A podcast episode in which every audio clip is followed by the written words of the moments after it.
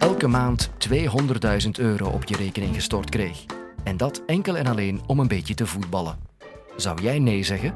Toch vinden we het schandalig dat er met zo'n hoge bedragen wordt gegoocheld in de voetbalwereld. Maar kunnen die topvoetballers nog meer verdienen?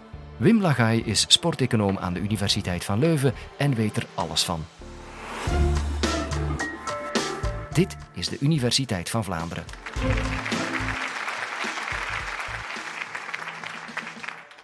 In mijn uh, tienerjaren trok ik regelmatig, aangevuurd door mijn oudere broers, naar het Gulden Sporenstadion van KV Kortrijk. We waren de intensiteit van spanning, kleuren, ontlading, scoren, technisch vernuft, dat liet een diepe indruk op mij na. En we voelden ons vooral verbonden met de lokale underdogs, die bovenop hun voltijdse dagtaak voor en een wedstrijdpremie en KVK met het mes tussen de tanden het opnamen tegen de verwende voetbalprofs van Anderlecht of Standaard. We schreven eind jaren zeventig en het voetballeven was eenvoudig. Er werd alleen op zondagmiddag om 15 uur gevoetbald en in de verste verten waren nog geen sporteconomen of erger nog sportmarketeers te bekennen. Nu, 40 jaar later heeft het KVK-virus zich 80 kilometer verder in het behang van onze woning blijven innestelen. We tellen bij ons thuis vijf abonneehouders. En we hebben de jongste decennia ons provincieclubje, we hebben die woelige periode zien doormaken. Zo ging de club tweemaal failliet.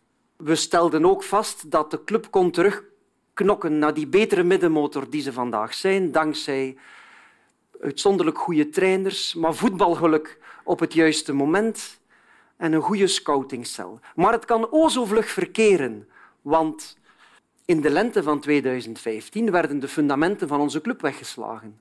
Was daar geen pharma-tycoon, kersvers voorzitter van Oostende, die verdorie onze hoofdtrainer, hulptrainer, physical trainer, keeperstrainer in één beweging wegkocht.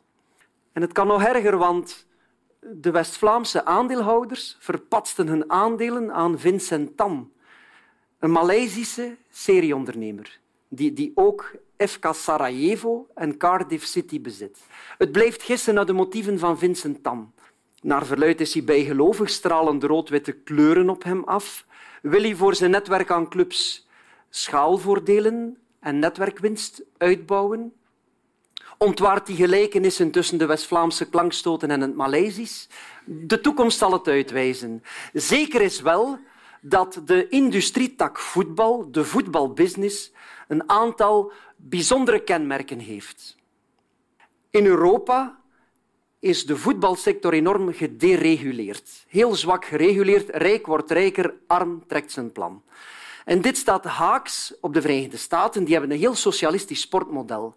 Bijvoorbeeld in de Major League Soccer daar zijn salarisplafonds of daar is een draftsysteem. Wat betekent dat de zwakste ploeg de meest beloftevolle speler eerst mag transfereren. Een beetje zoals op de speelplaats vroeger. Een tweede bijzonder kenmerk is dat de voetbalsector, om die te managen, ben je waanzinnig van toeval afhankelijk. Bal op de paal of net binnen of al dan niet buitenspel, het heeft al voor degradatie en soms later voor faillissementen van clubs gezorgd. En om dat voetbaltoeval te verminderen, probeert men daarom de winmaximalisatie na te streven. Maar dat betekent zoveel mogelijk punten pakken om toch niet te degraderen en in de hel van tweede klasse Liga B te belanden. Of we moeten toch Europees kunnen spelen of kampioen daarom worden. En dus neemt men waanzinnige financiële risico's en de rekening maken we later wel. En dit soort onvoorzichtig beleid zien we tot in de catacomben van het provinciaal voetbal, waar er prikkels zijn om boven uw stand te leven. Een vierde bijzonder kenmerk is dat in tegenstelling tot wanneer een bankier van job verandert of een hoogleraar naar een buitenlandse universiteit uh, verhuist, in voetbal wordt naast een loononderhandeling over een transfersom of transferduur onderhandeld. Dat is atypisch in vergelijking met reguliere economische sectoren. En tenslotte heb je die enorme media-overshooting van voetbal. Wat betekent dat de productiemensen eigenlijk veel meer verdienen dan het management. Maar hoeveel verdienen nu topvoetballers? Wel, warning. Ik heb het vooral over de weddes, of ik ga het uitsluitend hebben over de weddes van de Lionels en de Kevins en de Teddy's. En helaas niet over de Tessas en de Imkes. Daar kan ik wel meegeven dat voetbal hier ook wel een, een laat-middeleeuwse sport is. Gendergelijkheid kennen we niet echt. Equal pay, equal work. Er is een inhaalbeweging aan de gang, maar die is heel bescheiden. Maar laten we eerst starten op het niveau Belgische competitie, Jupiler Pro League, 16 clubs. Nu, geen gemakkelijke opgave, want we spreken over een van de best bewaarde bedgeheimen. Dus moet je secundaire data samenrapen, heel kritisch zijn en vooral met de juiste bevoorrechte getuigen spreken, goed luisteren, om dan vorken te bepalen. Loonvorken. En je moet eigenlijk van een mediaanloon, een middelste loon, vertrekken. Neem KV Kortrijk, 25 profspelers. Hoeveel verdient speler nummer 13? Dat is het mediaanloon. En die Belgische competitie, 16 clubs, je hebt vijf grote. Anderlecht, Club Brugge, Gent, Genk, Standaard. En elf kleine. Dus de G5, daar zit het mediaanloon, bruto jaarsalaris, tussen 500 en 700.000 euro. Bij een K11, mediaanloon, tussen 120 en 250.000. Nu, dit omvat verloning, dus een vast basisloon en een variabel premiestelsel op basis van het aantal punten dat je pakt en of je opgesteld bent, voordelen in natura, huisvesting wagen en een pensioenspaarplan, maandelijkse bijdragen, waarbij men al op de leeftijd van 35 kan cashen tegen een gunstig fiscaal tarief. Nu, de vijf grote clubs, de totale loonmassa daarvan ligt veel groter dan bij de K11 en stijgt ook sneller. Dat heeft natuurlijk met de schaal van die clubs te maken. Genereus fiscaal stelsel, ook voor voetbalclubs als onderneming, betalen heel lage sociale bijdragen en recupereren bedrijfsvoorheffing. Onthoud hier dat als weer eens een pamflet passeert van voetbalprominenten die zeggen van red het voetbal, kijk extra kritisch. Maar goed, we gaan nu naar richting Rode Duivels. En de Rode Duivels springen naar topcompetities. Want we zijn in België een doorverkoopcompetitie. Die springen naar Engeland, Frankrijk, Spanje, Italië, Duitsland, China. En die springen van bruto jaarloon naar bruto weeksalaris. Dus de compagnies Lokakus, de Bruines, die zitten binnen een vork, variabel ook weer afhankelijk van het premiestelsel, maar bruto weeksalaris 220, 250 tot 440 in een boerenjaar. Hè. Wat natuurlijk ook wel betekent dat de financiële prikkel van als we met de Rode Duivels wereldkampioen worden en dan krijg je jawel, die premie van 690.000 euro bruto, die prikkel zal wellicht niet de zware motivatie zijn. Misschien wel voor de de bankzitters onder de Rode Duivels, daar raamt men de weeksalarissen bruto op 70 à 100.000. Maar het kan nog erger in voetbal. Neem een wereldtopper, Lionel Messi, speelt bij Barça, een door Nike gesponsorde club. Maar Messi heeft een schoenencontract voor het leven met Adidas. Hij treedt op als gezicht van Gillette, Pepsi, Samsung, Turkish Airlines. En het, het dagsalaris, en nu ben ik niet over weekdag, maar kalenderdag, van Messi wordt op 200, 250.000 euro, al dan niet fiscaal geoptimaliseerd, hè, geramd. Dus ja, monsterbedragen. Hoe kunnen we die nu verklaren? Welke economische wetmatigheden spelen hier? Wel, als economist zeg ik wet van vraag en aanbod. Aan de aanbodzijde, een club zoekt een schaars talent, bijvoorbeeld een hele goede linksachter. De vraag naar die linksachter, afhankelijk van de rijkdom van de club, en de koopkracht van die club gaat vraag en aanbod elkaar vinden. Wat bepaalt nu de rijkdom van een club? Je hebt dus een aantal factoren die dat mee bepalen. Is dan een club die actief is in een markt waar de uitzendrechten, de televisierechten hoog zijn? Een voorbeeld. In België wordt het voetbalcontract keurig geveeld, in stukjes verpakt, goed verkocht. 80 miljoen euro wordt per jaar verdeeld onder de profclubs. Fasten Seatbelts in Engeland, Premier League, wordt 2,8 miljard euro per jaar verdeeld. Schaalverschil. Ten tweede, hoe sterker je als club bent, hoe meer kans om te genieten van de Europese vleespotten. van de Champions League, van de Europa League. Daar krijg je startgeld, prijzengeld, halve finale geld enzovoort. Dat tikt enorm aan. En ook nog eens extra televisierechten. Derde factor zijn de sponsorinkomsten.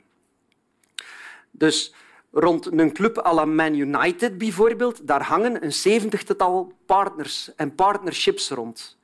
Van hele grote, van een Chevrolet, van kledingsponsor, maar ook ze hebben Aziatische sponsors, Europese sponsors, oefenterreinsponsors. De vorige shirtsponsor sponsort nu de oefenvelden. Dat is ongeveer het budget van KV Kortrijk en KV Oostende samen. Dus een wereld van verschil. En in het verlengde van die sterke merken wordt ook een merchandising business uitgebouwd. Worden sportmerken of niet-sportmerken nog eens extra verkocht. Dus we kennen de Neymar-shirts, die als zoete broodjes over de toonbank gaan. Maar het kan nog erger en gekker. Wist u dat er bij Ajax kan je kruipakjes voor baby's. Je kan trouwen op de middenste bij Feyenoord. En voor de die-hard-fans van Benfica Lissabon ja, die kunnen toeleven naar de gepersonaliseerde urne met clubsymbolen en, in de clubkleuren. En bij ons thuis hebben wij de West Ham United broodrooster. En dan vloept dat toastje eruit. En van afstand 4 is de WHU er heel mooi in gebrand. Hoe mooi kan het leven zijn? Hè? En dan heb je een vierde factor, dat zijn de stadioninkomsten en wedstrijddaginkomsten. Zou het kunnen dat de Allianz Arena, bezettingsgraad 75.000, meestal vol, dat misschien wellicht dat daar de stadioninkomsten een tikkeltje hoger zouden kunnen liggen in vergelijking met het, het King Power at den Dreefstadion van Oud-Heverlee-Leuven. Je hebt dan ook de investeringen van mecenassen. Soms heb je ja, weer die hele rijke investeerders Vroeger de Abramovicen, maar nu de Chinezen, ook Indiërs die de weg vinden naar. Maar de Qatari van Paris Saint-Germain die willen bekers, die willen overwinningen, maar misschien willen die ook wel hun land, hun golfstaat, op een andere manier in het nieuws krijgen. En een stuk aandacht afwenden. En last but not least heb je de trans het transfercircus. Bijvoorbeeld in de Belgische competitie leeft men van doorverkoop. Wij zijn een transitcompetitie. Namelijk meer inkomsten uit verkoop dan je betaalt voor koop. En dat is soms veel belangrijker dan reguliere inkomsten. Maar kunnen topvoetballers nu in de toekomst nog meer verdienen? Dat hangt eigenlijk af van inschatting van economische wetmatigheden naar de toekomst. Wat geeft er opwaartse loondruk? Wel, er zijn een aantal factoren. De transferketting bereikt voortdurend nieuwe plafonds. Chinese en Indiase investeerders zijn nog niet op kruissnelheid, die miljardairs richting Europees voetbal. Er wordt verwacht in een nieuwe veilingronde voor uitzendrechten in grote competities dat Facebook en YouTube gaan meedingen. Hogere bedragen. En om, door een combinatie van factoren blijft die sponsormarkt jaarlijks toch groeien. Maar er is ook twee factoren met neerwaartse druk. UEFA, Financial Fair Play, probeert ongebreidelde uitgaven wat te beteugelen. Dat is een too little and too late verhaal, maar dat geeft lichte neerwaartse druk. En tenslotte, ook wat neerwaartse druk op televisierechten, op uitzendrechten, is dat de jonge generatie, die worden de cable nevers of de cable cutters genoemd. Die zijn niet zo gek als papa of opa om te betalen voor een voetbalabonnement. Die kennen sluipwegen om gratis te kijken. Maar per saldo, als je het in de weegschaal legt, zijn er meer factoren vanuit economisch oogpunt voor nog stijging van toplonen. Maar als economie geen redding brengt, zit het misschien in de juridisch-regulatieve sfeer. Met een aantal gezond verstand spelregels zouden we kunnen zeggen willen we nu eens die ontwrichtende wintertransfermarkt afschaffen of de zomertransfermarkt beperken of aantal transfers per speler per periode of leasing en huurkoop daarmee stoppen of transfereren volgens vaste tabellen Tal van ideeën doen de piste, vinden eigenlijk geen ingang, want Europa blijft gedereguleerd en voor een stuk soms overgesubsidieerd. Heel vreemd. En als het regulatieve niet lukt, misschien het juridische. Want koning voetbal heeft hier wel eens een uitzonderingseconomie op het vrij verkeer van personen binnen de Europese Unie. Dat vragen van een transfersom staat daar haaks op. Onder een aantal voorwaarden is dat toegelaten, maar het voetbal voldoet daar eigenlijk niet altijd aan. En het is tegelijk concurrentieverstorend om in een winterstop bijvoorbeeld een club leeg te plukken. Dus meer en meer juridische stemmen gaan op om te zeggen van hey, moeten we dat hier niet anders bekijken. Nu, in afwachting van vijf minuten politiek, juridische moed kunnen we ons blijven ergeren aan dat voetbalcircus, aan de decadente bedragen, aan de exuberante bedragen. We kunnen ons ook wel opwarmen aan de Vincent Companies, die zeggen van kijk, wij zetten ons in voor het Brusselse pleintjesvoetbal of voor SOS Kinderdorpen. Maar het voetbalcircus lijkt te blijven doordraaien. Maar gelukkig is er één zekerheid. En dat is dat voor eeuwig en altijd zullen de fans achter hun club staan. Net als hun hondstrouwe voorzitter.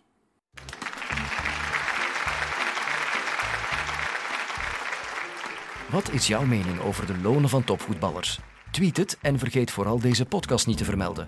Meer horen van Wim Lagai? In de negende aflevering van deze podcast heeft hij het over een andere heikele kwestie: het sponsoren van wielrenners.